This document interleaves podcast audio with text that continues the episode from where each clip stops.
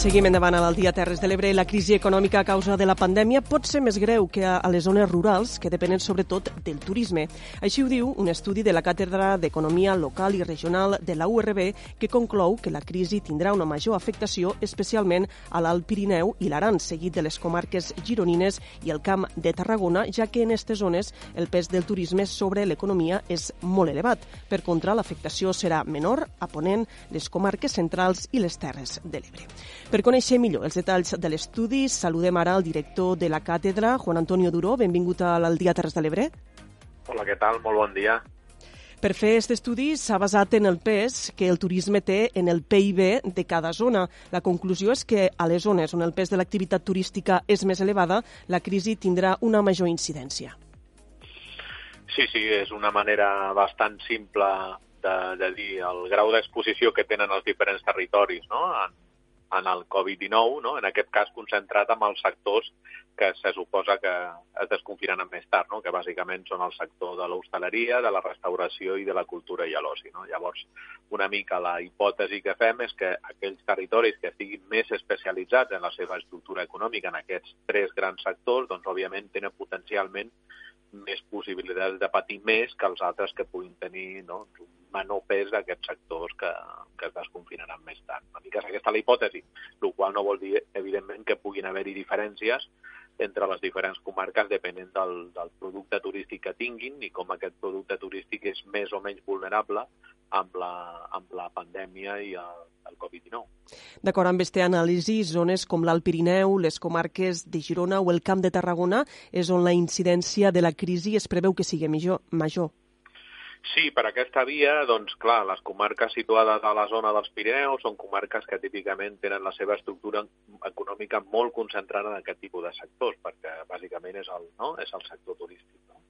En el cas del Camp de Tarragona també, el que passa és que amb el Camp de Tarragona no surt tan mal parat, perquè té una estructura econòmica molt més rica, en aquest cas amb la indústria, no? I per tant, bueno, sí, està una mica per sobre la mitjana, perquè òbviament el sector turístic és molt important en les marques, sobretot a la Costa Daurada, però té altres sectors que, que el poden compensar, no? Per tant, per això surt una mica o clarament millor que les zones de, de l'Alt Pirineu i, i l'Aran. En canvi, a les Terres de l'Ebre la situació és diferent. Si ens centrem precisament només en les comarques de l'Ebre, segurament també la situació serà diferent eh, si estem en poblacions de costa o poblacions de més a l'interior. Evidentment. Eh, aquesta separació és bastant clara. Quan parlem de grans àrees, no? eh, podem cometre l'error de pensar que hi ha una gran homogeneïtat dins les àrees. Això no és veritat. No? En el cas, per exemple, de les Terres de l'Ebre, com bé dius, hi ha una gran diversitat en si parlem de les comarques costaneres o les comarques d'interior. Les comarques d'interior, en principi, estan clarament menys expoblades, no? perquè el pes d'aquests sectors és més petit. No? I les comarques de, del litoral estan més exposades en principi perquè no, aquests sectors tenen més importància en la seva estructura econòmica. El que passa és que aquí estem elaborant una relació entre mm, tens més pes en aquests sectors i en principi ho pots, posar, ho pots passar malament. Però què és el que passa? Que hi ha una altra anotació, no? També depèn en concret, i això nosaltres no ho hem tractat, de quin tipus de producte turístic en, en tinguis, no? És a dir, que això pot anar, arribar a, a relativitzar una mica aquest nexe, no? En el cas de les Terres de l'Ebre sí que ho diem com una anotació. Hi ha alguns productes turístics que més enllà de que tu estiguis més o menys especialitzats, se suposa que poden tenir una major protecció davant la incertesa que ens està provocant el Covid-19. No? I en aquest sentit jo crec i estic absolutament convençut que les Terres de l'Ebre dins l'amalgama de marques turístiques de Catalunya és una de les que està millor situada en relació a la protecció amb el Covid-19 per seu propi producte turístic, no? que està, és molt consistent amb el que se suposa que serà el més valorat en aquesta època d'estiu si finalment ens podem moure, no? com per exemple doncs, eh, distàncies socials, no? paisatges oberts, eh, poca densitat de, de, de producció turística i de places, i això ho té eh, Terres de l'Ebre com cap marca turística. Per tant, més enllà de que estiguem més o menys especialitzat a la costa en turisme, jo crec que després això es compensarà amb el tipus de producte turístic que té Terres de l'Ebre. Per tant, jo ja m'avenço i em llenço a la piscina i crec que la temporada turística a l'Ebre serà de les menys dolentes de tot el territori i que la tardor serà molt bona. Això li anava a preguntar ara, no? Suposo que la incidència del quan es podrà tornar a la normalitat també serà important.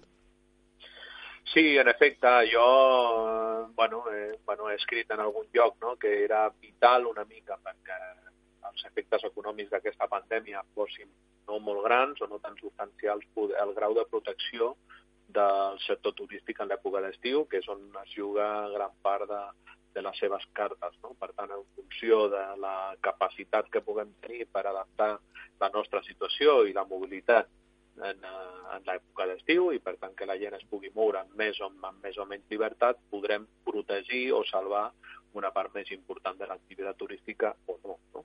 Per tant, una mica, òbviament, tot dependrà de, de les fases de desconfinament i, i de com la població reaccioni. En el, el de les fases de desconfinament és un tema bàsicament sanitari, aquí no podem fer. Sobre el tema de, de com la població reaccioni, jo tinc l'expectativa de que la població reaccionarà bé perquè té moltes ganes de sortir, té moltes ganes de viatjar, eh, sobretot en zones segures i el, el, el turisme de proximitat, com és el de l'Ebre per, per Catalunya i per les zones limítrofs, és una clara garantia en aquest sentit. Per tant, bueno, jo, jo crec que la, malgrat, òbviament, les mesures de seguretat que s'hauran d'aplicar i, i el cost i, no, que implicarà això, jo crec que la gent s'animarà a viatjar. Per tant, bueno, que l'Ebre tingui una temporada turística, eh? quan, i quan parlem de temporada turística parlem de l'estiu, millor o pitjor, també dependrà una mica del grau en el qual, ho he escoltat avui en algun lloc, eh, en el qual la zona de Barcelona, que és la seva gran demanda, doncs, pugui tenir una mobilitat més o menys. Jo crec que si aquesta es dona i els establiments de les Terres de l'Ebre poden garantir aquesta seguretat, jo tinc l'expectativa de que la temporada turística no serà gaire dolenta perquè una part molt important del mercat de l'Ebre és un mercat domèstic. Nosaltres no depenem del mercat internacional en gran mesura. Eh? El mercat internacional que té més presència en el nostre cas és el mercat francès i el mercat francès fins i tot pot viatjar en cotxe, si vol. No? Per tant, per això et deia no? que, que crec que la temporada d'estiu a l'Ebre serà de les menys dolentes de tota Catalunya. De les menys dolentes de les menys dolentes. No estic dient que sigui bona, ja, ja. estic dient que serà de les menys dolentes. És a dir, que pot ser que tingui una capacitat de retindre un percentatge molt gran de l'activitat a l'estiu, o en tot cas pot ser la que tingui la major capacitat de tot Catalunya, per les seves pròpies condicions. Eh?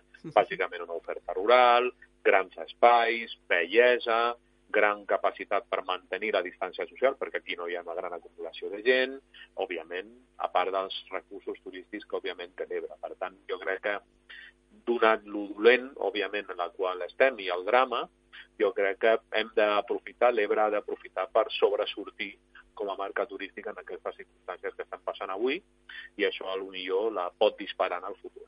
Per tant, pot acabar sent una oportunitat jo crec que sí, jo crec que sí, jo crec que l'Ebre està en una gran oportunitat.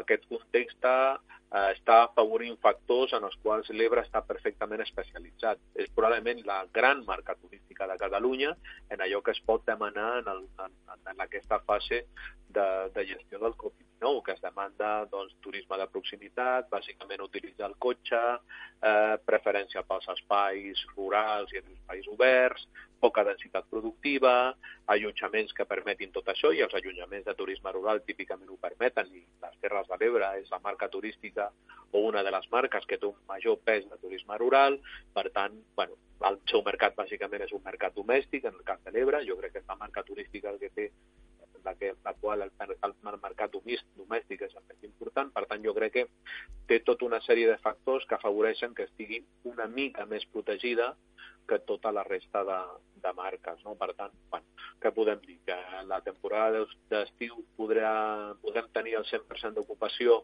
de tota l'oferta? Doncs pot ser. Pot ser que l'oferta rural, al juliol i l'agost, si la gent es pot moure, estigui al 100% ocupada. Pot ser, pot ser. No, no ho descarto. Per tant, no, no és que estigui de, dissenyant o preveient una, una conjuntura especialment positiva, que no, però sí que crec que, que pot ser una de les marques que més pugui resistir la temporada turística d'aquest any si finalment hi ha aquest desconfinament i aquest progrés cap a fases posteriors, sobretot a l'àrea metropolitana de Barcelona. Si et sembla, deixem ara davant del sector del turisme i volem fer també referència a un estudi de la càtedra del passat mes d'abril que deia que les Terres de l'Ebre i les Terres de Ponent seran les que patiran menys la crisi econòmica, en aquest cas pel, pel pes del sector primari i de la indústria agroalimentària. En efecte, en aquest cas el que van fer, ara el que han fet en aquesta darrera píndola de coneixement és concentrant-se estrictament amb els sectors de darrer de desconfinament, per tant el que se suposa que patiran més, sense mirar i pensar en la resta de sectors productius de l'economia, és a dir, eh, en aquesta darrera píndola que estem comentant, només ens centrem en el sector de l'allotjament, el sector de la restauració, en el sector de l'oci, no mirem res de, de la resta, i en una píndola anterior el que vam fer és una anàlisi estructural de tots els sectors. I aquí l'Ebre sortia molt ben parat. Per què? Doncs perquè té sectors o té activitat en sectors que ens consideren en certa mesura essencials. És a dir, que tenen una part important de l'activitat que es considera important i, per tant, que s'ha més o menys mantingut, el qual no vol dir que no tinguin problemes, no? Però, bueno, estan en una situació, òbviament, millor que els sectors no essencials. I entre aquests, doncs, sobresurten dos grans sectors en els quals l'Ebre té un molt un pes molt més important que la resta de Catalunya i clarament que la mitjana catalana, com són el sector primari, no? que ocupa una part important del producte de l'Ebre i dels cotitzants, i el sector agroalimentari, que li passa també. I aquests sectors són considerats essencials. Per tant, aquests, han, en certa mesura, mantingut molt més l'activitat que la resta de sectors i, per tant, ens situa de l'Ebre en una situació de menys eh, com et diria, de menys davallada en relació a altres marques turístiques i d'altres territoris. Per tant, bueno, aquesta és una època en la qual eh, els que se suposa que estaven pitjor, eh, doncs, o la gent que se suposa i els sectors que se suposa que estaven pitjor han emergit com a molt importants. No? Això val tant pel tema de sectors productius com per les persones. No? Eh, hi ha no, ocupacions que bueno, no els hi havien considerat amb la importància que tenen i que ara han esdevingut essencials uh -huh. per mantenir l'activitat i el benestar de tota la població. I estic parlant doncs, de, de, de gent que treballa doncs, als, als comerços no? o al manteniment de la neteja a les ciutats i molts altres. No? Per tant, és com si s'estigués canviant una mica no? la, la truita no? en relació als, als efectes del Covid i com està canviant la nostra valoració tant de les ocupacions com dels sectors productius. No? Per tant, ha emergit doncs, aquesta no? I també de territoris, no? de sectors com el primari, no? que uh -huh. l'havíem deixat aquí, no havíem... Bueno, és un sector que té la seva problemàtica, però bueno, tampoc se li havia donat una importància especialment, no? especialment transcendental uh -huh. en termes de futur econòmic. Doncs sí, el sector primari és molt important, ens assegura l'autobastiment i és un sector que guanyarà en importància en el futur perquè el futur serà el futur de l'agricultura dels productes de proximitat i de quilòmetre zero. Que això no només val pel Covid-19, ho estem dient des de molt abans, sobretot pels temes de sostenibilitat ambiental i canvi climàtic. No? L'agricultura i l'agricultura de proximitat és un dels sectors clarament de futur per tots els territoris. I en aquí l'Ebre pot jugar molt fort. I era una última pregunta perquè ja ens queda poc temps. Avui hem conegut les dades de l'IPC del mes d'abril a la demarcació de Tarragona, sí. ha caigut 1,2 punts i se situa a un punt i mig menys que ara fa un any. Es tracta de la caiguda més accentuada des de l'abril de 2013. Quina lectura en fa? Hi ha risc de deflació de l'economia? Estem en este punt? Bueno, estem en una fase de, de curt tema de gran baixada de la demanda i, per tant, òbviament, els preus baixen. Per tant, això òbviament dependrà del grau de recuperació. Com tots els documents que tenim i totes les previsions institucionals i, i, i, i, internacionals que tenim indiquen que n'hi haurà una recuperació bastant probable al darrer trimestre de l'any i una mica probable en el tercer trimestre, una mica depenent de com podem no, gestionar el sector turístic, doncs això indicaria que, òbviament, els preus s'acabaran per, per recuperar. Per tant, bueno, si aquesta recuperació que estem dient i aquest rebot que estem dient de finals de l'any i sobretot de l'any que ve es dona, la, aquesta baixada de preus tornarà, tornarà a situar-se a prop de zero i després anirà positiu. Per tant, jo crec que és un tema, si tot el que se'ns diu no, és cert, estrictament conjuntural. Doncs moltes gràcies, Juan Antonio Duro, director de la Càtedra d'Economia Local i Regional de la URB, per ser avui a l'Aldia Terres de l'Ebre. Moltes gràcies i fins una altra un autèntic plaer. Gràcies a vosaltres.